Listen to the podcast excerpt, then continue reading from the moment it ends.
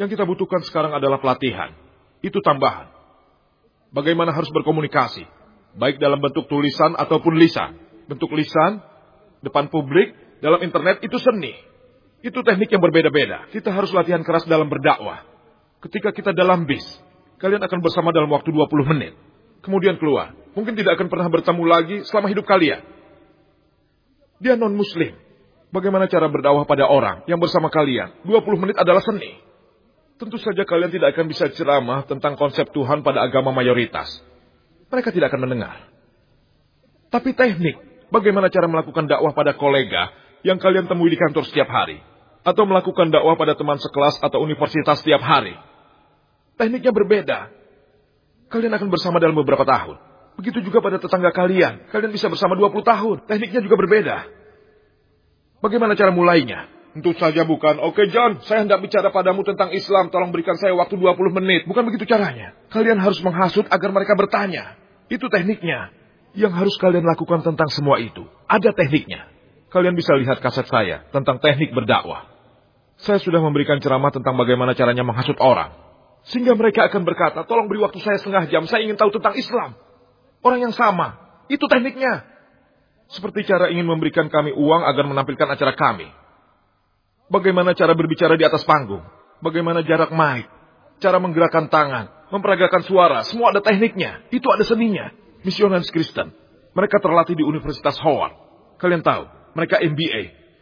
Berapa banyak MBA yang kita miliki dalam bidang dakwah? Berapa banyak? Berapa banyak? Hanya sedikit yang kita miliki di antara kalian. Alhamdulillah kami memiliki MBA di yayasan kami. Nusa Nurani adalah seorang MBA. Kami punya dokter medis yang menjadi dais penuh waktu selain diri saya. Kami punya orang terlatih yang terbaik di masyarakat. Di umat muslim apa yang kami miliki? Pertama, masukkan sekolah. Jika gagal, baru jadi ulama. Ketika dia tidak berhasil, baru jadi masuk ulama. Padahal kita membutuhkan yang terbaik dari masyarakat untuk mengajarkan Islam, bukan orang yang gagal. Alhamdulillah kita punya ulama terbaik. Karena Allah bukan karena kita. Kita perlu yang terbaik. Kita ajarkan ilmu pengobatan. Jika dia mampu berarti dia memiliki tingkatan tertentu. Biarkan seorang laki-laki atau perempuan memasuki bidang dakwah. Saya telah menghabiskan banyak rupiah untuk menjadikan dia dokter. Saya sudah berkorban banyak agar anak saya bisa menghasilkan uang. Macam apa? Saya telah membuatnya menjadi insinyur. Saya mengeluarkan banyak penderitaan. Kenapa sekarang dia harus berdakwah? Jika dia gagal di kelas rendah, kalian mengatakan saya telah berkorban untuk Islam. Munafik! Munafik! Siapa kita ini? Kita memerlukan dan membutuhkan yang terbaik dari umat, bukan yang gagal. Meskipun begitu, alhamdulillah, kita punya sarjana yang hebat yang berasal dari Darul Ulum. Mereka berusaha keras. Kita memang memalukan. Kita perlu orang terlatih. Islam bicara tentang keunggulan mutu, tentang yang terbaik. Kita khairah ummah, kita yang terbaik. Apa yang kita lakukan harus menjadi yang terbaik. Saya pernah berkata, mungkin saja kalian pekerja kecil atau penyapu jalanan, tapi jadilah yang terbaik. Cobalah menjadi unggul. Jika kalian tukang sepatu, jadi tukang sepatu yang baik.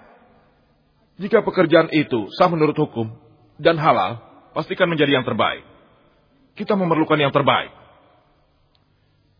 Sekarang, media komunikasi berkembang. Seluruh dunia telah menjadi global. Mudah berkomunikasi, dan jika kita muslim, jika kita tidak menyebarkan keyakinan kita, saya merasa kasihan. Saya tidak merasa susah karena Islam. Apakah kalian tahu kenapa? Allah memberikan janji. Dalam Al-Quran, tiga kalimat.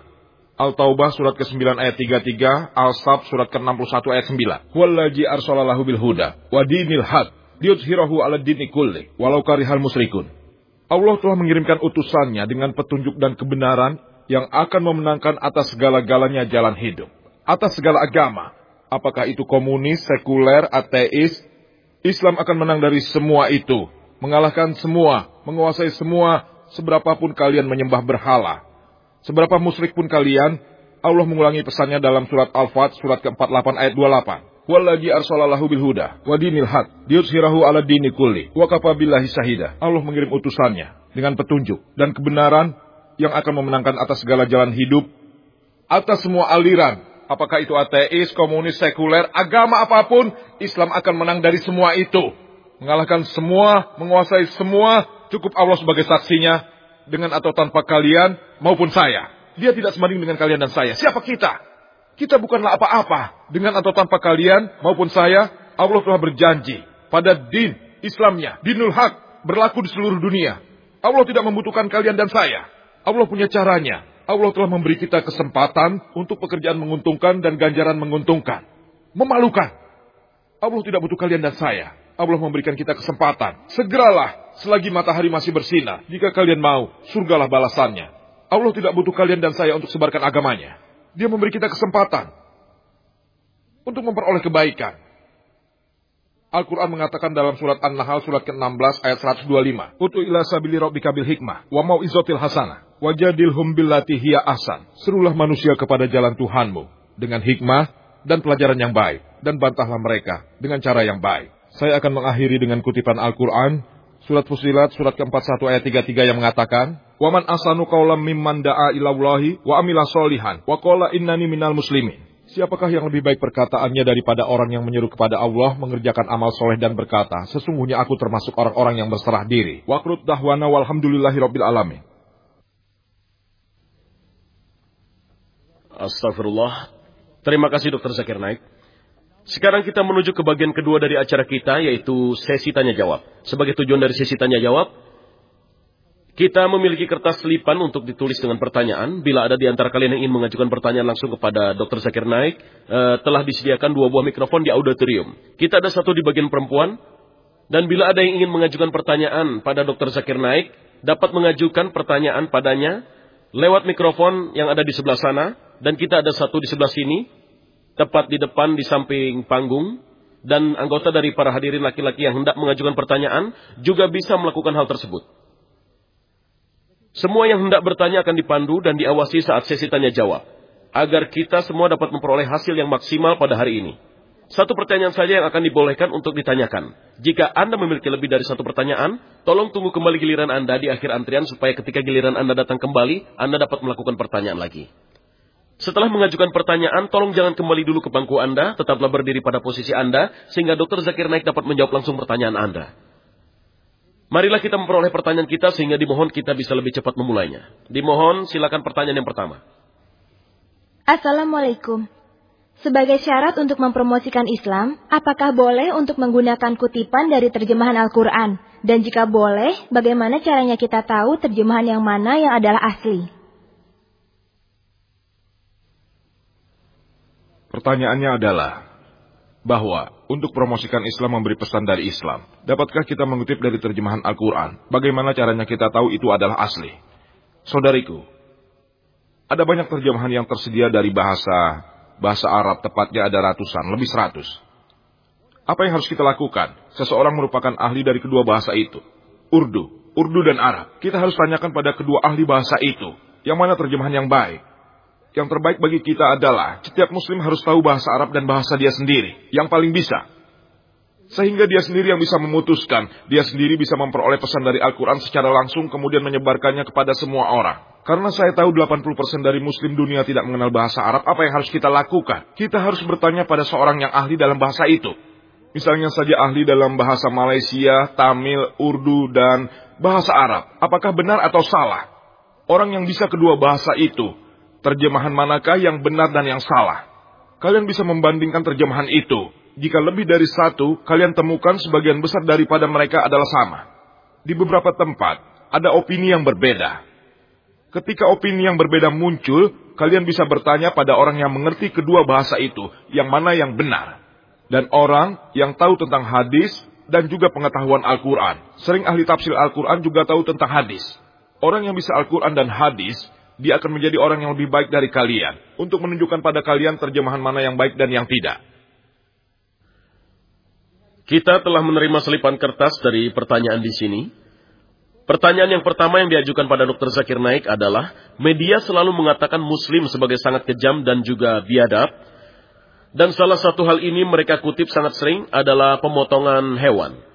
Mengapa muslim menyembelih hewan dengan menyiksanya, dengan menyakitkan, dan pelan-pelan membunuhnya adalah pertanyaan yang umum dari non-muslim yang penulis kutip dari media. Bagaimana cara Anda menjawab serangan gencar ini?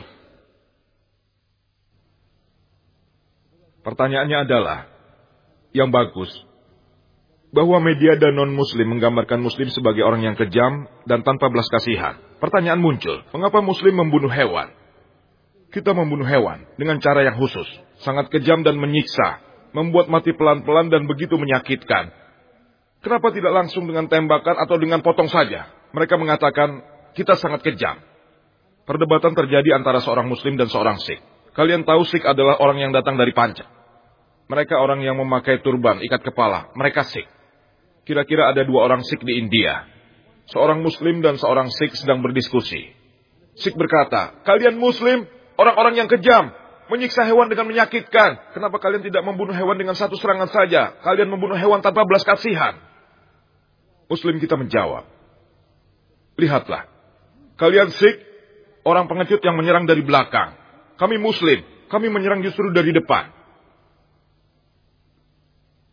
Ini pertarungan kepandaian, bukan jawaban yang benar, tapi adu kepintaran. Dia katakan dia pengecut menyerang dari belakang dan dia justru menyerang dari depan. Begitu katanya. Itu bukanlah jawaban mengapa muslim menyembelih. Itu adalah kalian menggunakan hikmah. Alasan mengapa kami muslim menggunakan tabiha itu kata Arab. Untuk cara Islam melakukan pengorbanan. Penyembelihan adalah tabiha. Pada saat tabiha ada beberapa kondisi persyaratan bahwa pisau harus tajam, potongan harus cepat, dan beberapa kondisi yang lain. Yang utama menyebut nama Allah. Dan kalian harus membunuh pembuluh ulat darah dan pembuluh leher.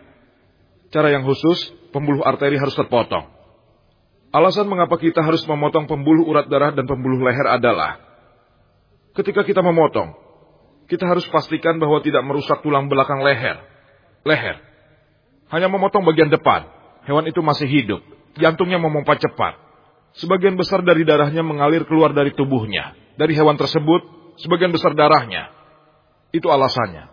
Mengapa kami ingin darahnya? Alasan mengapa kami ingin darahnya supaya mengalir keluar dari tubuh hewan itu Pengetahuan memberitahu kita bahwa darah adalah media yang sangat baik untuk kuman bakteri dan juga racun.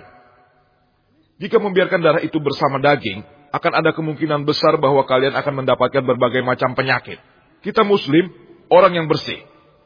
Itulah alasannya mengapa kita menyembelih dengan cara Islam. Selain itu, daging yang disembelih dengan cara Islam tabiha tetap segar dalam waktu yang lebih lama segar lebih lama dibandingkan daging satu potongan. Langsung satu tebasan, darahnya tetap di dalam. Darahnya tidak keluar. Itu perantara yang baik bagi kuman dan bakteri. Daging menjadi busuk dengan sangat cepat. Dengan tabiha segar dalam waktu yang lama. Selain itu, jika kita analisa, itu kesalahpahaman bahwa hewan tersebut merasakan sakit. Karena ketika kita melakukan tabiha, kita menyembelih dan memotong pembuluh leher. Aliran darah yang menuju ke saraf bertanggung jawab untuk merasakan rasa sakit. Aliran darah itu terpotong. Hewan tersebut tidak merasakan sakit. Sebab aliran yang menuju ke saraf bertanggung jawab untuk merasakan rasa sakit. Sehingga hewan tidak merasakan sakit. Saya tahu hewan tersebut menendang dan meronta. Tapi tendangan dan rontaan tersebut dikarenakan semburan aliran darah itu. Bukan karena sakit. Bahkan dalam pengertian yang lain. Ketika kalian pukul hewan dengan keras, hewan tersebut merasakan sakit yang hebat sekali potongan yang cepat, dan aliran darah yang mengalir menuju saraf terpotong, tidak merasakan sakit. Dia akan mati dalam beberapa menit, tiga atau empat menit, bukan penyiksaan hingga mati. Dengan pukulan, sering kali hewan mati setelah lima menit, sering kali. Terkadang bisa langsung mati, tapi bahkan sering juga hewan tersebut masih hidup. Dengan tabiha, dia tidak merasakan sakit. Meskipun dengan cara pukulan langsung mati, masih saja lebih tidak manusiawi dibandingkan cara Islam yaitu darah yang mengalir keluar. Bersama dengan kuman dan bakteri, daging tetap segar dalam waktu yang lebih lama dan hewan tidak merasakan sakit sedikit pun. Silakan lanjutkan. Dimohon pertanyaan yang selanjutnya. Assalamualaikum saudaraku. Nama saya Junaida dari Manglor. Um, beberapa dari kita mengatakan bahwa jurnalisme bukanlah profesi yang bagus bagi muslim. Mereka mengatakan itu terdiri lebih dari kerja berat yang tidak diizinkan oleh Islam. Tapi ada yang mengatakan mereka adalah yang tidak melakukan, uh, mereka adalah yang tidak, yang tidak lupa untuk membaca halaman rumor atau gosip ketika mereka memegang surat kabar di tangan mereka. Dikatakan bahwa jurnalisme bukan profesi yang baik karena terdiri dari kerja yang berat. Dan selain itu, mereka adalah orang yang sama yang membaca surat kabar. Mereka membaca surat kabar humor dan gosip. Itu tidak terlalu meyakinkan. Saudariku, Jurnalisme ada beberapa jenis. Apa mereka yang melakukan sesuatu dan membaca tertentu, saya tidak tahu. Apa lebih baik membaca atau tidak membaca rumor, saya tidak tahu. Kalian dapat bertanya pada orang yang berbeda. Kalian tidak bisa menyamakan semua orang. Saya tidak tahu yang mana yang Anda maksudkan. Tapi baiklah kita akan kembali bagian pertama dari pertanyaan. Ada beberapa orang mengatakan bahwa jurnalisme adalah lebih buruk. Jurnalisme ada beberapa macam. Jurnalisme yang sederhana, jurnalisme yang jelek. Kalian hanya memfitnah orang ada jurnalisme yang baik. Ikutilah Al-Quran yang mengatakan dalam surat Al-Isra surat ke-17 ayat 81. Wakul ja'al hak wajah kol batil. Innal batila kana zahuko. Ketika yang benar datang menghilangkan yang salah. Yang salah musnah karena yang salah sudah pasti akan musnah. Jika kita mengikuti jurnalisme, pastikan mengatakan yang benar. Al-Quran mengatakan menggosip itu salah dalam surat Al-Humajah surat ke-104 ayat 1. Wailul likulli humajatil lumajah. Kecelakaanlah bagi setiap pengumpat lagi pencela. Al-Quran surat Hujurat surat ke-49 ayat 11 dan 12. Jangan menggunjingkan orang lain. Jika kalian menggunjingkan orang seolah-olah kalian sedang memakan daging saudara kalian sendiri. Menggunjingkan orang lain itu salah. Jurnalisme kita tidak menggunjingkan orang lain. Yang penting adalah apa yang kita umumkan pada publik. Jika seseorang melakukan kejahatan, kalian peringatkan orang-orang bahwa orang itu jahat. Itu tidak disebut fitnah. Di dalam Islam, itu tidak bisa disebut sebagai memfitnah. Jika kalian mengingatkan orang, hadis Nabi kita tercinta mengatakan, ketika seseorang datang bertanya, bahwa kalian ingin menikahi seseorang, kalian tahu orang itu mengatakan, orang itu tidak baik, dia peminum alkohol, itu tidak disebut dengan memfitnah. Itu dibolehkan. Karena dia mengingatkan seseorang terhadap bahaya tertentu. Jika kalian mengingatkan orang-orang dari ummah terhadap suatu kerusakan atau orang-orang tertentu, hal seperti itu diizinkan dalam Islam. Dalam jurnalisme, itu adalah suatu kebenaran. Kalian mengingatkan orang-orang terhadap bencana, terhadap kejahatan, Islam membolehkan kalian. Jangan menulis hal yang salah, hanya untuk demi uang. Supaya artikel bisa dijual, atau agar kalian mendapatkan hadiah. Atau seseorang memberikan uang, 10 ribu rupiah. Tulislah menentang politikus dan lembaga itu. Tulis menentang kelompok ini dan kelompok itu. Itu memang sering terjadi. Lebih banyak dalam pers muslim. Ambil uang lalu tulis tentang organisasi ini. Ambil uang lalu tulis menentang organisasi ini. Jurnalisme yang seperti ini adalah haram. Itu kenyataan. Kalian bisa mengatakannya. Tapi kita perlu jurnalis. Itu bagian dari dakwah. Itu bagian dari tugas umat muslim. Untuk menyebarkan pesan Islam. Sekarang zaman jurnalisme, teknologi, satelit, dan lain-lain. Kita harus manfaatkan media untuk sebarluaskan Islam. Silakan lanjutkan. Silakan pertanyaan dari bagian laki-laki. Assalamualaikum. Nama saya Asim Ali. Saudara Zakir Naik, pertanyaan saya adalah, telah diterbitkan dalam suatu artikel saya tidak bisa menyebutkan nama majalahnya berhubungan dengan masalah Mi'raj dari Nabi Muhammad Sallallahu Alaihi Wasallam. Dikatakan pada abad ke-6 dia sepenuhnya mengakui bahwa dia pergi ke surga. Bagaimana kita sebagai umat muslim menjelaskan kesalahpahaman ini? Pertanyaannya dia membaca artikel yang mengatakan Nabi Muhammad pergi ke surga. Bagaimana umat muslim menjelaskan kesalahpahaman ini? Saudaraku, Nabi memiliki berbagai macam keajaiban. Nabi dapat melakukan keajaiban dari Allah Subhanahu wa taala. Yang Anda hubungkan pada Mi'raj Nabi Muhammad, referensinya diberikan dalam surat Al-Isra, surat ke-17 ayat 1. Bahwa Nabi dipindahkan dari Masjidil Haram ke Masjidil Aqsa. Dari Masjidil Aqsa kemudian disebutkan dalam hadis Sahih Bukhari, Nabi pergi ke surga dan lain-lain, itu kenyataan. Itu adalah keajaiban. Dalam Al-Quran dikatakan bahwa Nabi Musa membelah lautan menjadi dua. Lalu Nabi Isa, dia terlahir tanpa campur tangan laki-laki. Ini keajaiban. Tidak bisa dibuktikan oleh ahli ilmu pengetahuan. Itu keajaiban Tuhan. Mereka adalah nabi dari Tuhan dan utusan dari Tuhan. Mereka diberikan keajaiban. Dapat dilakukan atas seizin dari Allah subhanahu wa ta'ala. Silakan lanjutkan. Ada saudara kita dengan nama Joseph Matthew yang pertanyaannya adalah, Kenapa Muslim menyebut Islam sebagai agama yang terbaik? Sementara ada banyak Muslim yang tidak bisa diandalkan dan tidak jujur. Muslim-Muslim ini terlibat penipuan, penyogokan, kecurangan, judi, dan obat-obat terlarang. Dapatkah Anda jelaskan? Mengapa kalian menyebut Islam sebagai cara hidup yang baik ketika kalian menemukan Muslim? Memakai obat-obatan terlarang, alkohol, dan juga lain-lain. Islam yang terbaik. Dalam video kaset saya, saya memberikan ceramah Islam sebagai agama, Islam sebagai interaksi, dan mengapa Islam sebagai cara hidup yang paling baik. Islam tidak hanya bicara hal-hal yang baik, tapi juga bagaimana caranya untuk menjadi baik. Jika kalian dengar ceramah saya, saya selalu bicara Islam sebagai cara hidup yang paling baik. Kalau kalian menemukan ada muslim yang buruk dan mereka terlibat alkohol, obat-obatan terlarang, Saya tahu memang ada kambing hitam dalam setiap komunitas. Memang ada muslim, meskipun Al-Quran melarang alkohol. Tapi ada muslim yang meminumnya dengan cara sembunyi. Saya tahu itu. Tapi media dikuasai dunia barat. Media memproyeksikan Islam dengan cara yang salah. Kita memang punya kambing hitam dalam komunitas, bahkan dalam muslim kita. Kambing hitam, seperti yang saya berikan contoh. Seorang Arab, 50 tahun, menikahi gadis berusia 16 tahun. Itu jadi judul utama. Surat kabar. Seolah tiap hari Orang Arab memiliki kecenderungan seperti itu. Suka gadis-gadis muda. Tapi kalau kalian temukan non-muslim, berusia 50 tahun, memperkosa gadis berusia 10 tahun, itu tidak muncul dalam berita. Mereka kuasai media. Mereka mempengaruhi orang-orang untuk membuat muslim terlihat seperti teroris, seperti fundamentalis, seperti orang-orang jahat. Mereka proyeksikan seperti itu. Karena media ada di tangan mereka. Memberikan gambaran yang salah. Saya tidak mengatakan kita tidak memiliki muslim yang jahat. Sebenarnya muslim tidak bisa menjadi jahat. Karena muslim harus mengabdi pada Allah Subhanahu wa taala. Jika dia mengabdi pada Allah Subhanahu wa taala, dia tidak akan berjudi, merampok, memakai obat-obatan terlarang dan memperkosa. Muslim ini muslim dari nama saja. Mereka hanya muslim di bibir saja. Tindakannya bukan muslim. Bukan muslim yang sesungguhnya. Mereka kambing hitam dalam komunitas kita. Meskipun begitu, muslim secara keseluruhan, alhamdulillah dengan segala hal yang kita miliki. Alhamdulillah kami komunitas terbesar sebagai Tea Totaler. Yang artinya, kita tidak meminum alkohol secara keseluruhan. Kita adalah komunitas terbesar yang memberikan sumbangan paling maksimal. Alhamdulillah. Komunitas yang memiliki kesederhanaan paling maksimal.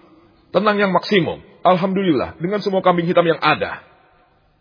Pertama kita harus menguasai media. Selain itu, meskipun seseorang mengatakan, baiklah, muslim adalah buruk. Seandainya saya mengatakan saya setuju bahwa muslim itu jelek, secara hipotesis. Tapi yang saya katakan, dalam ceramah saya berbicara tentang Islam jalan hidup yang baik. Saya tidak bicara muslim sebagai yang terbaik. Dan seandainya kalian ingin menilai mobil, misalnya saja mobil Mercy, dan kalian ingin menganalisa seberapa bagus mobil itu. Orang yang tidak tahu bagaimana menyetir mobil, dia duduk di kursi supir dan menggoyangkan setirnya. Siapa yang salah? Supirnya tidak tahu cara mengendarai mobilnya. Dia tidak punya SIM. Pertama kali, kalian menyetir mobil, kalian tidak punya SIM. Mirip dengan itu. Jika seorang muslim yang tidak memahami Islam secara benar, salahkan muslimnya, jangan agamanya. Jika ingin menilai agama, nilai berdasarkan hukum dasarnya, Al-Quran dan hadis. Jika kalian menginginkan contoh dari muslim, contoh muslim yang baik, Nabi kita Muhammad Shallallahu Alaihi Wasallam. Tidak ada yang lebih baik lagi. Jika kalian ingin menilai mobil, gunakan supir penguji, lalu kemudian nilailah. Begitu juga muslim, cari muslim yang baik. Dalam surat Al-Kalam surat ke-68 ayat 4, dan sesungguhnya kamu benar-benar berbudi pekerti yang agung. Dalam surat Al-Ahzab surat ke-33 ayat 21. Sesungguhnya diri Rasulullah itu akan kalian temukan. Suri teladan yang paling baik bagi kalian. Contoh yang terbaik adalah Muhammad Sallallahu Alaihi Wasallam. Dia contoh yang baik. Jika ingin menilai Islam, contohlah dia. Tidak heran Michael Richard, seorang Amerika. Dia adalah orang Kristen. Yang menulis buku tentang 100 orang yang paling berpengaruh dalam sejarah. 100 orang paling berpengaruh dalam sejarah, mulai semenjak Nabi Adam sampai sekarang. Nomor satu adalah Nabi Muhammad Shallallahu Alaihi Wasallam. Dia bukan seorang Muslim. Kenapa dia harus memberikan Nabi Muhammad sebagai nomor satu? Ini kenyataan. Dia orang yang jujur. Sedangkan Yesus nomor tiga. Nomor satu adalah Muhammad. Contoh yang paling baik. Saya tidak tahu apakah orang akan bicara. Kalian akan menemukan bahwa ada muslim yang baik dan tercemar dan melakukan hal-hal yang jelek. Saya dapat melihatnya. Saya tahu tidak ada satupun negara di dunia ini yang mengikuti kebudayaan Islam. Walaupun ada hanya setengah, dan negara itu mengikuti hukum kriminalnya, dan kejahatan paling sedikit di negara itu. Jika mengikuti ekonominya, maka ekonominya yang terbaik di negara itu. Jika ingin menilai komunitas keseluruhan, negara atau negara yang paling baik adalah pada masa Nabi kita yang tercinta, contoh yang terbaik. Pada masa kebangkitan negara Arab keempat khalifah, Abu Bakar, Umar, Utsman, Ali, contoh yang baik. Lihat komunitas pada masa itu. Itulah yang terbaik. Jika kalian ingin menilai negara bagian dengan melaksanakan Islam secara keseluruhan, lihatlah pada masa khalifah, pada masa Nabi kita tercinta. Itu yang terbaik. Silakan lanjutkan. Silakan pertanyaan yang selanjutnya dari kelompok perempuan. Assalamualaikum, nama saya Nosim, seorang pelajar dari sekolah di Manglore. Pertanyaan saya, apakah seorang muslim perempuan diperbolehkan untuk bekerja sepenuhnya pada sebuah institusi sebagai pembawa acara berita di stasiun Arab Saudi? Saudari kita bertanya, dapatkah seorang wanita dewasa? Apakah wajahnya terbuka? Saya rasa Wajahnya diperlihatkan. Um, sebenarnya matanya yang terlihat. Maaf? Matanya dapat dilihat. Matanya dapat dilihat, tapi yang lain tertutup. Saudari kita berkata bahwa jika seorang perempuan membawakan berita dalam sebuah televisi, wajah penuh, mata dapat terlihat. Apa boleh membawakan berita? Saudari, jika semua laki-laki muslim telah mati, itu bukan masalah. Apakah begitu? Laki-laki membawakan berita itu lebih baik, akan lebih mengena. Masalahnya adalah dakwah harus dilakukan. Wanita antara wanita, laki-laki antara laki-laki. Terkadang itu bisa dilakukan dalam tingkatan yang berbeda. Seperti yang saya lakukan ini itu tidak masalah. Satu lawan satu dan lain-lain. Yang perempuan seharusnya menjaga hijab. Dan itu berlawanan dengan hijab jika perempuan muncul di televisi. Televisi lebih disukai. Lebih baik laki-laki yang melakukannya. Jika semua laki-laki dan seorang perempuan muncul di televisi untuk memberikan ceramah, itu tidak masalah. Laki-laki masih banyak, alhamdulillah. Bagi perempuan, saya tidak keberatan jika penontonnya semua perempuan. Dia bisa menunjukkan wajahnya, bahkan tidak perlu menutup kepalanya, memberikan ceramah, memberikan pidato. Kalian pasti tahu bahwa Islam percaya pada lima pembagian dari jenis kelamin. Untuk membawakan sebuah berita, pasti ada laki-laki yang tidak memperhatikan dengan baik dan mendengarkannya dengan baik. Dan itu akan menjadi sebuah kesalahan untuk membolehkan hal tersebut terjadi. Jadi lebih baik kalau laki-laki yang membacakan berita dalam kondisi seperti ini. Silakan pertanyaan selanjutnya. Dr. Zakir Naik. Dr. Naik. Nama saya Mal Bukhran. Saya berasal dari Menglor. Saya seorang insinyur teknik. Jadi Anda mengatakan di dalam ceramah Anda sangat perhatian pada kepemimpinan uh, dari surat kabar Islam atau media elektronik. Diharapkan kita memiliki uh, situasi uh, di mana sisi pendidikan kita sangat miskin sehingga tentu saja kita tidak bisa mengharapkan kepemimpinan dari itu. Dan ada beberapa koran berbahasa Inggris yang sangat sedikit sekali koran berbahasa Inggris yang peduli. Dan pada tahun 1992 saya ingat, saya memperoleh sebuah kopian dari majalah Islamic Voice yang memberitakan tentang kematian Muhammad Asad. Dan e, di situ ditulis bahwa dia dilahirkan di negara Australia. Kalau dari tulisan di berita itu mereka tidak bisa membedakan antara negara Australia dan negara Austria. Itu adalah e, maksud saya, bagaimana Anda bisa mengharapkan seorang non-muslim untuk menghargai berita Anda yang disebabkan karena kesalahan tata bahasanya. Jadi maaf e, jika pertanyaan saya tidak berkenan dengan yang dokter Naik katakan. Tolong e, berikan saya sedikit waktu untuk mengatakannya. Tolong selesaikan pertanyaan. Saudara, bisa uh, ulangi lagi? Saya tidak uh, mendengar. Bukan, uh, maksudku nah, tolong, tidak tolong begitu. ulangi lagi. Uh, maksudku adalah kita harus memberitahukan pada anak-anak zaman sekarang di mana kekurangan dari pusat komunikasi massa dan kita tidak memperoleh pendidikan itu di antara muslim. Saya ulangi pertanyaan Anda. Itu pertanyaan yang bagus. Muslim sekarang tidak memiliki pendidikan yang tinggi. Kita tidak memiliki pelatihan yang layak Pidato saya berdasarkan itu. Itulah sebabnya mengapa saya melakukan ceramah ini untuk memberikan semangat. Kalian bisa lihat kaset saya, cara memulai pendidikan yang baik. Saya berikan ceramah Islam pada anak-anak. Menunjukkan bagaimana cara memulai sekolah. Berdasarkan dari Al-Quran dan hadis, bagaimana cara kalian memiliki sekolah yang baik. Punya pengetahuan dari dunia modern, begitu pula dengan Al-Quran dan hadis. Secara bersamaan, saudara kita mengatakan, dia tahu dari majalah Islamic Voice, bahwa Muhammad Asad lahir di Austria, tapi mereka menyebutnya dia lahir di Australia. Bagaimana bisa berbeda hanya pada Austria dan Australia, A dan L, ditambahkan dengan Estra. Jadi, lebih baik, apa kalian tahu? Times of India seharusnya surat kabar yang terbaik di India. Apa kalian tahu? Surat kabar berbahasa Inggris yang terbaik di India. Benar atau salah? Saya menghargainya.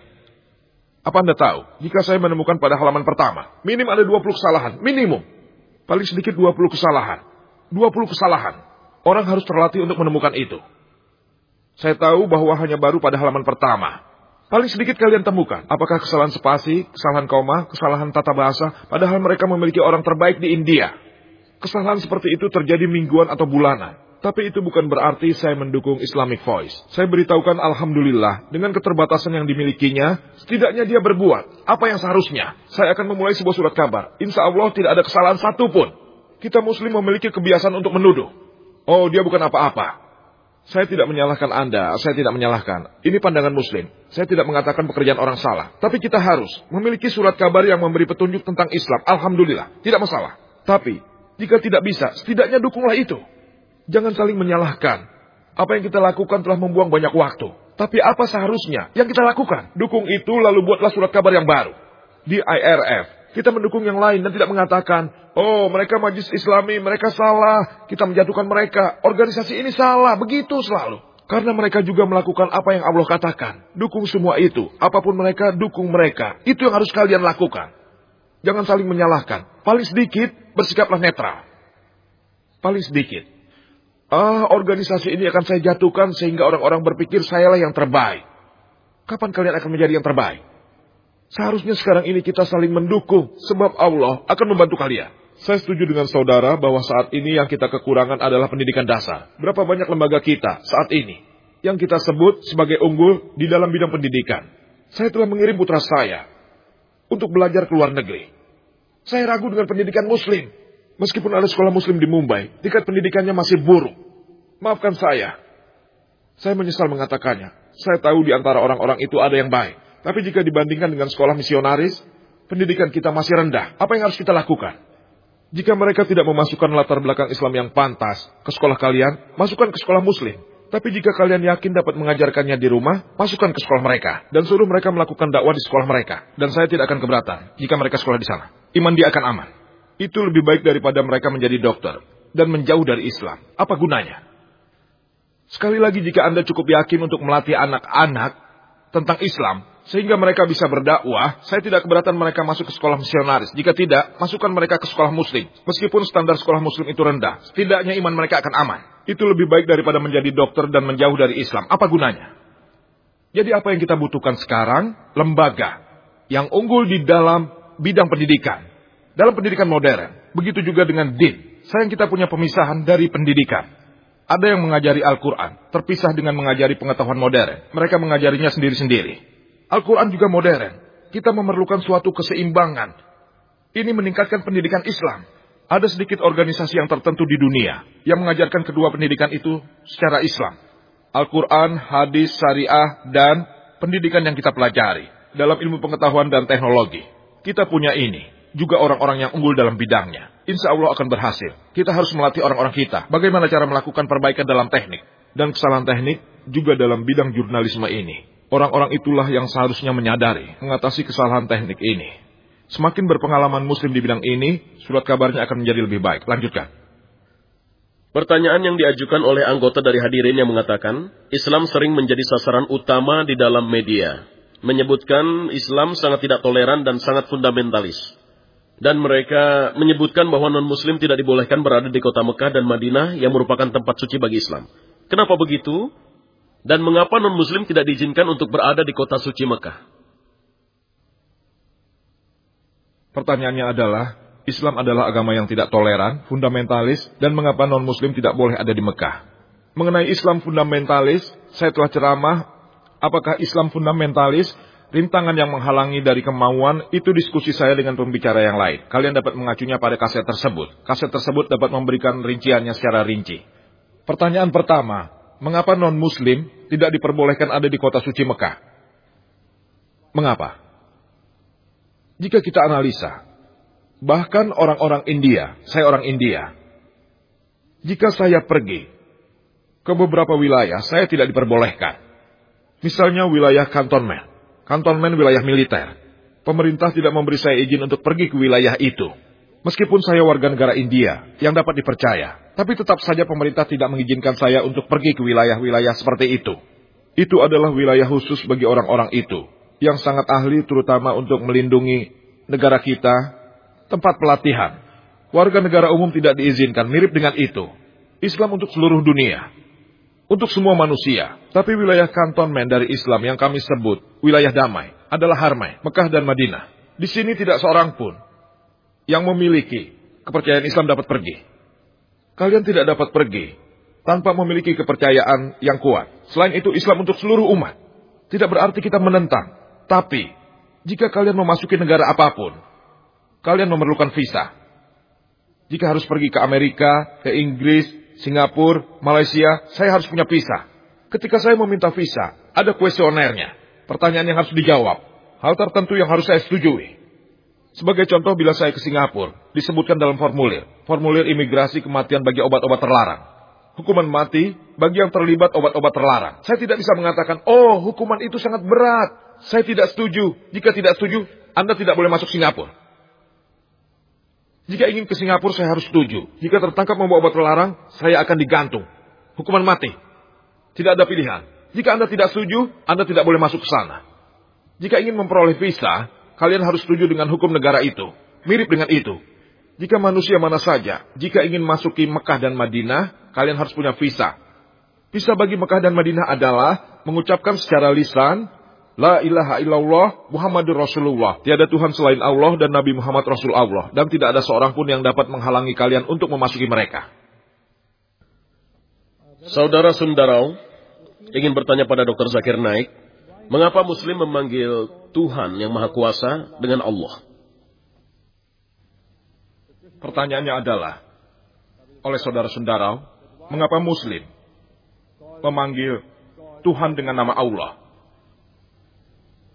Al-Quran mengatakan, surat Al-Isra, surat 17 ayat 110, Kuldullah awidur rahman, ayah amat tadu, palahul asma'ul husna. Ucapkanlah namanya dengan sebutan Allah atau dengan Ar-Rahman. Dengan nama apa saja kau panggil, dia tidak apa-apa, karena dia punya nama-nama yang paling indah. Kalian dapat memanggil Allah dengan nama apa saja, tapi harus nama yang indah. Tidak boleh membayangkan suatu gambaran. Al-Quran mengulang pesan ini dalam Al-Arab surat ke-7 ayat 180, surat Taha surat ke-20 ayat 8, Al-Hasr surat 59 ayat 24, bagi Allah subhanahu wa ta'ala nama-nama yang indah adalah miliknya. Tidak kurang dari 90 sifat yang berbeda. Diberikan pada Allah dalam Al-Quran. Seperti Ar-Rahman, Ar-Rahim, Al-Hakim, penyayang, pengampun, mengetahui. 99 sifat berbeda. Yang sering disebut adalah Allah. Mengapa kami muslim lebih suka memanggil Allah subhanahu wa ta'ala dengan nama Arab Allah dibandingkan Inggris God? Karena kata Inggris God bisa saja kalian permainkan apa saja. Sebagai contoh, jika kalian menambah huruf S pada God menjadi Gods, berarti bentuk jamak dari God. Tidak ada Allah dalam bentuk jamak di Islam. Kul huwallahu ahad. Dia adalah Allah yang Maha Esa. Jika ditambahkan DESS pada kata God, itu menjadi Goddess. Tuhan wanita. Tidak ada Allah laki-laki maupun wanita dalam Islam. Allah subhanahu wa ta'ala itu unik. Tidak memiliki jenis kelamin. Jika kalian menambahkan father ke God, itu menjadi Godfather. Dia menjadi waliku atau penjagaku. Tidak ada yang seperti Allah father atau Allah aban di Islam. Allah subhanahu wa ta'ala adalah kata yang unik. Jika kalian menambahkan mother ke God, itu menjadi God mother. Tidak ada yang seperti Allah mother atau Allah amin di Islam. Jika kalian menambah awalan ten sebelum God, itu akan menjadi ten God. Tuhan yang palsu. Tidak ada ten Allah dalam Islam. Itulah mengapa kami muslim lebih suka memanggil Allah subhanahu wa ta'ala dengan kata Arab Allah daripada kata Inggris God. Silakan pertanyaan selanjutnya dari kelompok perempuan. Assalamualaikum, nama saya Janis, saya adalah seorang pelajar. Bukankah dikatakan pada saat zaman Nabi, Aisyah istri dari Rasulullah biasanya mengadakan ceramah setiap hari bagi para sahabat Nabi tentang hadis. Bukankah penting bagi sarjana perempuan sekarang untuk juga memanfaatkan media seperti televisi untuk dakwah dengan menggunakan jilbab? Pertanyaan yang bagus. Dia mengutip referensi pada masa Rasulullah saat Aisyah berceramah pada para sahabat, dikatakan bahwa dia telah mengajar tidak kurang dari 88 sarjana yang berbeda. Dia sarjananya sarjana, hanya dengan wewenangnya. 2210 hadis muncul dan saya setuju hal itu. Tapi alasannya adalah, Aisyah adalah istri dari Nabi kita tercinta. Dia dekat dengan Nabi kita. Dia telah mengingat berbagai macam hadis, di mana tidak ada seorang pun muslim yang bisa tahu. Dia adalah sarjananya sarjana. Pengetahuannya paling hebat. Jika harus memilih, antara perempuan dengan pengetahuan yang maksimum dibandingkan seorang laki-laki yang tidak punya pengetahuan, maka belajarlah pada seorang perempuan. Institusi sekarang telah bangkit, di mana kalian memiliki muslimah, muslim perempuan yang memiliki pengetahuan unggul. Jika sekelompok laki-laki ingin belajar darinya, mereka bisa pergi. Tapi Aisyah ketika dia sedang berceramah, dia tetap saja memakai jilbabnya. Seringkali dia melakukannya dari balik tirai, tidak langsung tatap muka. Itu terjadi karena dia memang seorang istri Nabi. Dia harus menjaga hijabnya, dan hal yang utama karena dia salah satu yang memiliki pengetahuan terbanyak. Punya pengetahuan tertentu yang tidak dipunyai para sahabat. Tapi sekarang situasinya wajar. Kalian bisa bicara dengan wanita mana saja. Tapi jika ada laki-laki yang punya pengetahuan lebih baik dari wanita, maka pergilah pada laki-laki. Yang perempuan pada yang perempuan. Tapi jika seorang perempuan ingin memperoleh pengetahuan dan tidak ada perempuan yang memiliki pengetahuan setara dengan laki-laki, dia bisa pergi pada laki-laki untuk memperoleh pengetahuan. Tapi jika laki-laki di dunia saat ini punya pengetahuan lebih banyak dari perempuan, dan dia masih pergi pada perempuan, maka tujuannya tidak sesuai. Tidak perlu meskipun dengan hijab. Jika kalian harus pergi pada perempuan, kalian harus tetap ada dalam batasan Islam yaitu seperti Aisyah yang berceramah dari balik tirai. Sekarang sudah jelas, jadi apa yang harus kalian lakukan saudariku? Perempuan bisa memberikan pengetahuan jika mereka yang terbaik dalam bidangnya, serta tidak ada pilihan lain lagi di dalam bidang keahlian mereka dalam bidang Islam, tapi tetap harus menjaga hijabnya. Silakan lanjutkan. Ada seorang non-muslim yang bernama Jadis yang tertarik pada salah satu pembicaraan Dr. Zakir Naik hari ini. Pertanyaannya adalah, bahwa saudara Jadis ingin mengetahui, apabila Nabi dikirim kepada setiap bangsa di dunia, maka Nabi yang manakah yang dikirim untuk India? Bisakah Ram, Krishna, dan lain-lain bisa dianggap sebagai nabi dari Tuhan? Pertanyaan saya yang kedua dan berhubungan adalah, jika beberapa wahyu dikirim oleh Tuhan sebelum Al-Quran, bisakah kita menganggap Veda atau Padua Gita dan lain-lain sebagai kata-kata dari Tuhan? Pertanyaannya adalah, jika Nabi dikirim pada setiap bangsa, seperti Al-Quran katakan dalam surat Al-Fatir, surat ke-35 ayat 24. Wa ummatin ila. Tidak ada bangsa atau umat yang tidak dikirimkan pemberi peringatan. Al-Quran surat Ar-Rad surat ke-13 ayat 7. Walikuli kaumin had. Setiap bangsa kami mengirim orang yang memberi petunjuk. Nabi dikirim pada semua bangsa. Pertanyaan ini adalah, Nabi yang mana yang dikirim untuk India? Bisakah kita menganggap Ram sebagai Nabi dari Tuhan, Krishna sebagai Nabi Tuhan, Wahyu yang dikirimkan untuk India? Bisakah kita menganggap Veda dan Patwa Gita sebagai kata-kata Tuhan? Saudara, dari nama, hanya 25 rasul yang disebutkan dalam Al-Quran. Seperti Adam, Nuh, Ibrahim, Ismail, Ishak, Musa, Yesus, dan Nabi kita Muhammad. 25 namanya. Jadi yang mana saja yang Al-Quran sebutkan dapat dikatakan dengan pasti bahwa mereka adalah Nabi Tuhan yang Maha Kuasa. Tapi yang tidak disebutkan dalam Al-Quran, apa yang dapat kita katakan adalah mungkin. Beberapa politisi muslim mengatakan bahwa Ram alaihi salam. Kalian tahu, Ram alaihi salam. Seolah-olah dia Nabi Tuhan. Mereka menggambarkan fakta dari non-muslim sehingga mereka juga menggambarkan kembali. Yang saya katakan, Al-Quran tidak menyebutkan bahwa Ram Nabi Tuhan. Al-Quran tidak menyebutkan Krishna Nabi Tuhan. Yang saya katakan, mungkin mereka iya. Meskipun mereka datang sebagai Nabi Tuhan, kita harus sadar, semua pembawa pesan yang datang, semua Nabi yang dikirim, sebelum Nabi terakhir dan penghabisan Muhammad Shallallahu Alaihi Wasallam, mereka hanya dikirim untuk sekelompok orang saja. Pesan itu dimaksudkan hanya untuk waktu tertentu saja. Meskipun Ram adalah utusan Tuhan, saya tidak mengatakan bahwa dia adalah utusan Tuhan. Meskipun dia utusan Tuhan, katakan saja begitu, saat ini orang India tidak seharusnya mengikuti Ram atau Krishna. Karena jika dia Nabi Tuhan, dia dimaksudkan untuk masa itu saja dan untuk orang itu saja. Yang sekarang harus diikuti Nabi terakhir Muhammad Shallallahu Alaihi Wasallam yang bukan dikirim hanya untuk orang Arab saja. Tapi Al-Quran mengatakan dalam surat Al-Anbiya, surat ke-21 ayat 107. Wa ma arsalnaka illa rahmatan lil alamin. Tidakkah kami mengutus kamu melainkan untuk menjadi rahmat untuk manusia dan seluruh makhluk? Al-Quran mengatakan, surat Sabah surat ke-34, ayat 28. Wa arsalnaka illa kafatal linnas basira wa nazira. Kami tidak mengutus kamu melainkan sebagai pembawa berita bagi seluruh dunia. Berita gembira dan peringatan akan dosa. Tapi sebagian manusia belumlah tahu. Meskipun Ram adalah utusan Tuhan, meskipun Laksman utusan Tuhan, meskipun Krishna utusan Tuhan, mereka untuk orang dan masa itu saja. Meskipun memang iya, semua orang di dunia apakah itu India, Amerika, Eropa dan Arab harus tetap mengikuti Nabi yang terakhir Muhammad Shallallahu Alaihi Wasallam. Mirip dengan itu, nama dari empat wahyu yang diberikan di Al-Quran, Taurat Zabur, Injil Al-Quran. Apakah Veda kata-kata Tuhan? Fatwa Gita kata-kata Tuhan? Karena mereka tidak disebutkan namanya, saya tidak bisa mengatakan mereka kata-kata Tuhan. Al-Quran mengatakan wahyu dikirim pada berbagai macam orang, macam wahyu. Nama semuanya tidak disebutkan. Yang saya katakan, fatwa Gita mungkin dari Tuhan. Raman mungkin kata-kata Tuhan. Veda mungkin kata-kata Tuhan. Tidak bisa dikatakan pasti. Meskipun mereka kata-kata dari Tuhan, karena semua wahyu yang datang sebelum Al-Quran, mereka hanya ditujukan untuk orang itu saja, untuk jangka waktu tertentu saja.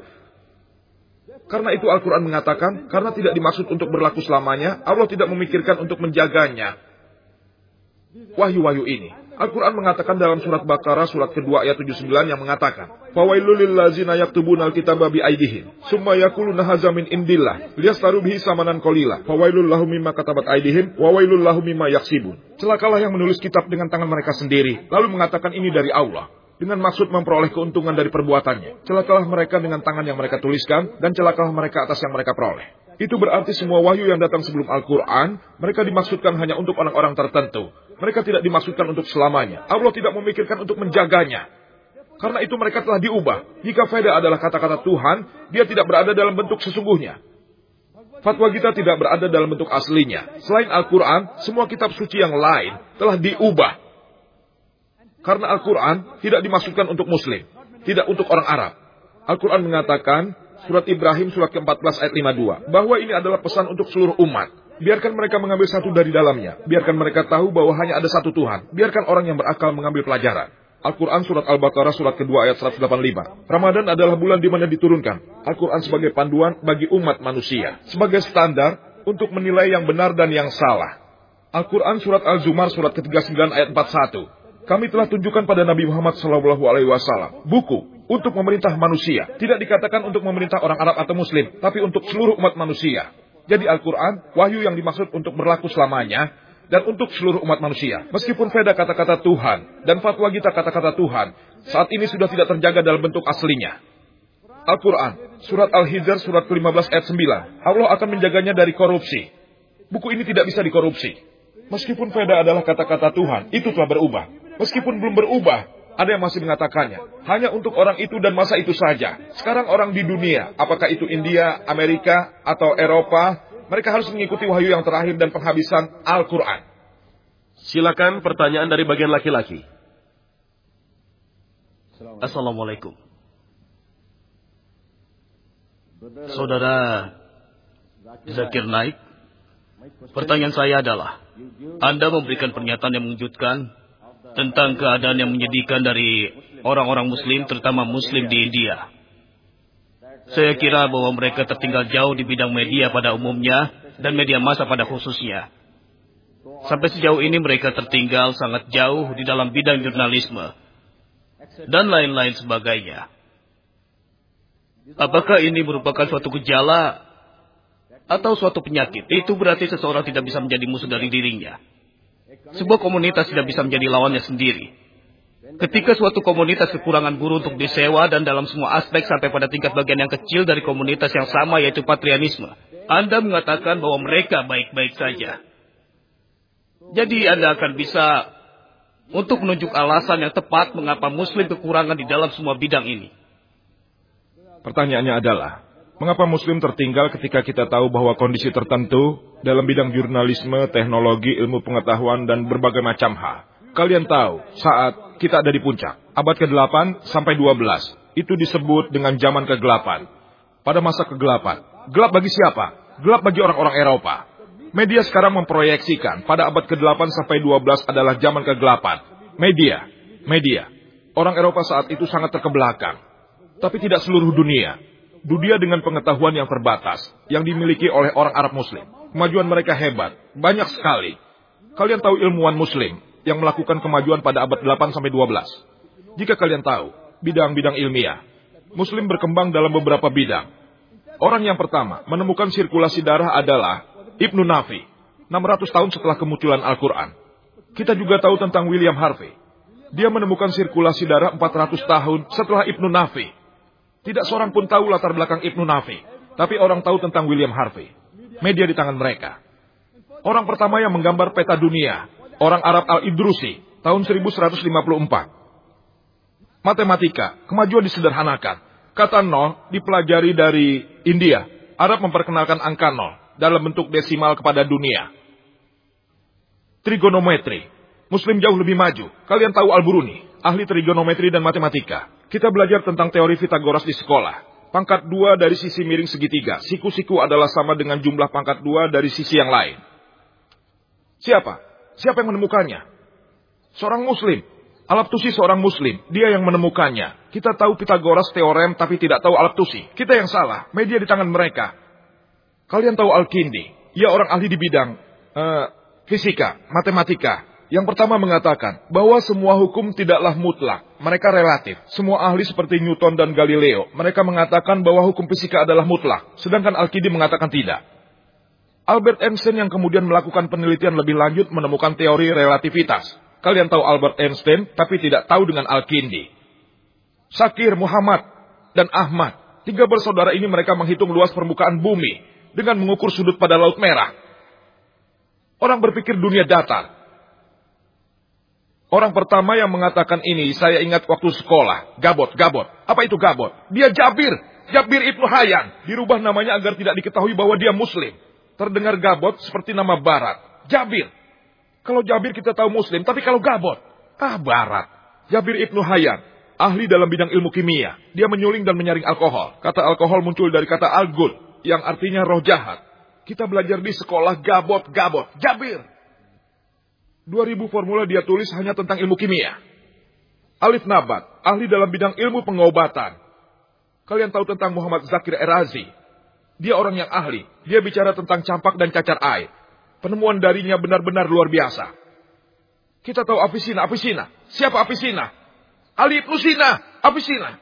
Afisina terdengar seperti barat. Ali Ibnu Sina, dia dikenal sebagai ahli medis. Tapi media di tangan mereka. Sebenarnya kita muslim yang hebat dan kuat sekali. Kita berada di puncak, kita jauh lebih baik. Mengapa? Karena kita dekat dengan Al-Quran dan sunnah Rasul. Saat ini, muslim hanya jadi pembicaraan. Kalian tahu kenapa? Kita terkebelakang. Karena kita telah jauh dari agama kita sendiri. Orang barat maju berkembang karena mereka telah jauh dari agama mereka. Pertanyaan selanjutnya adalah, Tuan Hatul Mayan ingin mengetahui mengapa muslim memiliki makanan yang bukan sayuran. Membunuh hewan adalah tindakan yang kejam dan tanpa belas kasihan. Mengapa muslim memiliki makanan yang bukan sayuran? Pertanyaannya adalah, mengapa muslim memiliki makanan yang bukan sayuran? Membunuh binatang adalah tindakan yang kejam dan mengambil kehidupannya. Kalian harus menjadi vegetarian.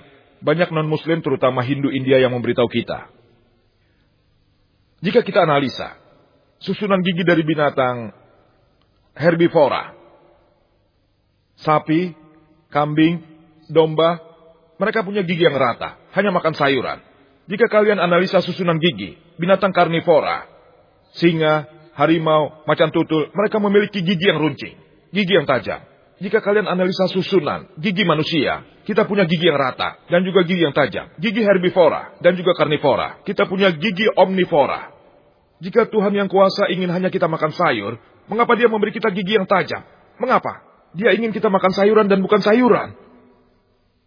Sistem pencernaan sapi hanya bisa mencerna sayuran dan itu tidak bisa mencerna yang bukan sayuran. Sistem pencernaan, hewan karnivora, singa, macan, leopard hanya bisa mencerna yang bukan sayuran. Tidak bisa mencerna sayuran. Tapi manusia bisa mencerna keduanya bukan sayuran dan sayuran. Jika Tuhan yang Maha Kuasa ingin kita hanya makan sayuran, mengapa dia memberikan kita sistem pencernaan yang bisa mencerna keduanya? Jika kalian analisa, mengapa sebagian besar dari kitab suci, apa itu Injil, Veda, Rama, mereka memberikan izin untuk memakan yang bukan sayuran? Jika kalian baca kitab suci Hindu, Ses dan putranya, mereka ada yang bukan sayuran. Mereka makan daging sapi. Jika kalian baca ayat Yakandam, chapter 20, chapter 26, chapter 94, ketika Rama ada di Inpan Wanwas, dia bilang pada ibunya, bahwa saya harus mengorbankan daging saya yang enak tahun ini. Jika dia bilang seperti itu, berarti dia makan daging. Jika Rama makan daging, kenapa kalian tidak boleh? Orang mungkin tidak tahu ajaran dari Rama, tapi mereka pasti tahu ceritanya. Ketika Rama berada di Inpan Wanwas, istrinya berkata, Pernah sekali, Sinta meminta pada Rama membunuh seekor binatang kecil. Kalian pasti tahu cerita ini. Pernah muncul di televisi, di komik. Sinta meminta pada Rama untuk membunuh seekor binatang kecil. Kalian tanya pada teman Hindu, kenapa Sinta meminta Rama membunuh binatang kecil seperti rusa? Beberapa orang pasti akan membantah. Mungkin Sinta ingin binatang peliharaan. Kalian tanyakan, jika Sinta mau, apa yang akan dilakukannya pada hewan itu? Apa yang Sinta lakukan pada hewan itu? Dia meminta Ram membunuh binatang karena dia ingin memakan dagingnya. Itu jawabannya. Jika dia bisa makan yang bukan sayuran, lalu kenapa kalian tidak bisa? Ada beberapa orang yang membantah. Jika kalian analisa, kitab suci Hindu memberikan izin. Tapi alasan mengapa mereka seperti itu adalah karena mereka terpengaruh filosofi yang muncul dari yang lain-lain. Percaya pada Ahamsa, jika kalian berdebat dengan mereka dan kalian berdebat menyerahkan bukan binatang, sebagian mereka, tanyakan mengapa mereka tidak makan yang bukan sayuran. Mereka akan beritahu, yang bukan sayuran itu membunuh makhluk hidup. Membunuh makhluk hidup itu jahat. Karena itu makan harus tanaman. Ilmu pengetahuan sudah berkembang. Tanaman adalah makhluk hidup. Sebelumnya orang menganggap bahwa tanaman tidak punya kehidupan, tapi sekarang kita tahu bahwa makhluk hidup itu juga tanaman. Argumentasi berubah. Kita juga tahu tanaman punya kehidupan, tapi kalian tahu tanaman tidak bisa merasakan sakit. Karena itu membunuh tanaman tidak sama dengan membunuh binatang. Sekarang kita tahu ilmu pengetahuan. Lebih maju berkembang dan kita telah tahu. Tanaman juga bisa merasakan sakit, bisa menangis, juga bisa merasa bahagia. Peneliti telah menunjukkan pada kita, tanaman bisa juga merasa senang, bisa juga menangis, dan merasa sakit. Tapi kalian saja yang tidak bisa mendengarnya. Karena frekuensi manusia, 20 putaran per detik sampai 20 ribu per detik. Yang ada di bawah dan di atasnya kalian tidak bisa dengar. Kalian tahu peluit anjing. Anjing bisa mendengar hingga 40 ribu per detik. Peluit anjing menghasilkan frekuensi di atas 20 ribu putaran per detik. Hingga manusia tidak bisa mendengarnya. Tapi di bawah 40 ribu putaran per detik, anjing bisa mendengarnya. Ketika majikan meniup fluid, anjing akan datang, tapi manusia tidak bisa. Mirip dengan itu ketika tangisan dikeluarkan tanaman. Manusia tidak bisa mendengar, karena itu tidak berada dalam jarak jangkauan pendengaran manusia. Tapi tanaman juga bisa menangis. Bagi non-muslim yang memiliki bantahan maksimal, baiklah saya setuju, tanaman punya kehidupan, bisa menangis. Kalian tahu, tanaman punya indera sedikit. Mereka hanya punya tiga indera, binatang memiliki lima. Karena itu, membunuh hewan adalah kejahatan lebih besar. Saya setuju, demi kepentingan argumentasi. Tanaman punya sedikit indera, sedangkan binatang lebih banyak. Tapi saya tanya, seandainya saudara, laki-laki kalian, tuli dan bisu, kurang dua indera. Tuli dan bisu, ketika dia tumbuh, kemudian seseorang datang dan membunuh dia, apa kalian akan mengatakan pada hakim, yang mulia, tolong berikan pembunuhnya hukuman yang lebih ringan karena saudara saya hanya punya dua indera. Pada kenyataannya kalian tidak akan bisa mengatakan seperti itu. Dia telah membunuh orang tidak berdosa, maka bunuhlah dia. Dalam Islam, Al-Quran memberikan izin, kalian boleh makan daging. Al-Quran surat Al-Ma'idah surat kelima ayat 1, kalian bisa memakan daging dari binatang ternak, hewan berkaki empat dengan beberapa pengecualian. Al-Quran surat Al-Nahl surat ke-16 ayat 5, dari dagingnya dapat kalian makan. Al-Quran surat Al-Mu'minun surat ke-23 ayat 21. Dalam hewan ternak ada petunjuk bagi kalian. Mereka memberi susu untuk diminum. Dan di dalamnya terdapat banyak dari daging yang dapat kalian makan. Karena itu, Al-Quran mengatakan kalian bisa mengambil hal yang baik dari mereka. Tidak masalah memakan yang bukan sayuran. Silakan lanjutkan. Ada pertanyaan yang berhubungan yang ditanyakan oleh saudara kita yang non-muslim. Saudara Keridah ingin mengetahui, berdasarkan ilmu pengetahuan, bahwa apa pun yang kalian makan memberikan pengaruh pada kelakuan kalian. Mengapa Islam membolehkan muslim untuk memakan makanan yang bukan sayuran? Karena jika kita memakan hewan, membuat orang menjadi kasar dan juga menjadi buas. Tolong jelaskan. Saya ulang pertanyaannya. Apa pun yang kita makan memberi pengaruh pada kelakuan kita dan tindakan tingkah laku kita sendiri. Lalu kenapa Allah membolehkan kita makan yang bukan sayuran, padahal mereka sangat ganas sekali? Kalian tahu mereka kasar dan suka berkelahi dan suka menyerang orang lain. Itu mempengaruhi kelakuan kalian. Saya setuju. Ilmu pengetahuan mengatakannya yang kalian makan dapat mempengaruhi tingkah laku kalian. Karena itu, Quran mengatakan, surat Al-Arab surat ke-7, ayat 157, mengatakan bahwa Nabi telah membolehkan kalian segala hal yang baik dan melarang kalian hal-hal yang tidak baik. Itu membuat kalian diperbolehkan hal-hal yang menguntungkan bagi kalian dan melarang kalian terhadap hal-hal yang salah bagi kalian.